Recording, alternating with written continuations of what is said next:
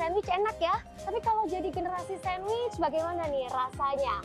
Generasi sandwich adalah orang yang biayai tiga generasi, yaitu orang tua, dirinya, dan juga anaknya. Seperti sandwich ya, terhimpit antara dua generasi, yaitu atas dan juga bawah.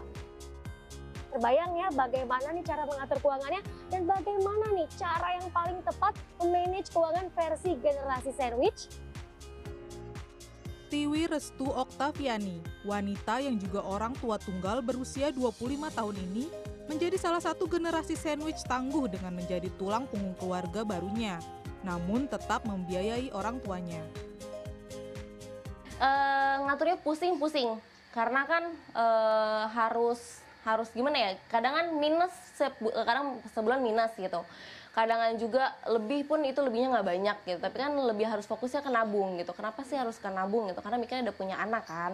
Kalau nggak nabung kalau sewaktu-waktu ada kenapa-napa nanti gimana nih gitu kan? Harus ngebiayainnya seperti apa gitu Tiwi mengatakan ketika penghasilan kurang, ia pun mencari tambahan dengan bekerja sampingan. Terkait cara mengatur keuangan, ia mengedepankan anak namun tetap berusaha membantu orang tua. Kewajiban menghidupi anak dan membantu keluarga memang sepatutnya dijalankan. Namun, untuk kondisi keuangan yang belum stabil terkadang menjadi masalah. Maka, hal yang harus dilakukan adalah: pertama, mencatat pengeluaran dan pemasukan setiap bulannya. Apa saja biaya yang harus dikeluarkan untuk disesuaikan dan dicukupi nominalnya.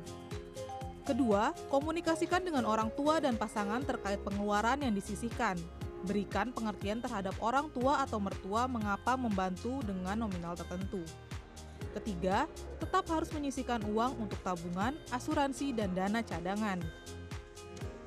Garis besarnya aja, asuransinya 10%, terus jika ada cicilan kredit dan sebagainya itu uh, paling banyak 35%, dan pengeluaran sehari-hari. Nah, ini termasuk pengeluaran sehari-hari itu di sini misalnya kita harus naruh uh, uang uh, apa kirim ke orang tua kayak gitu. Nah, ini 40%.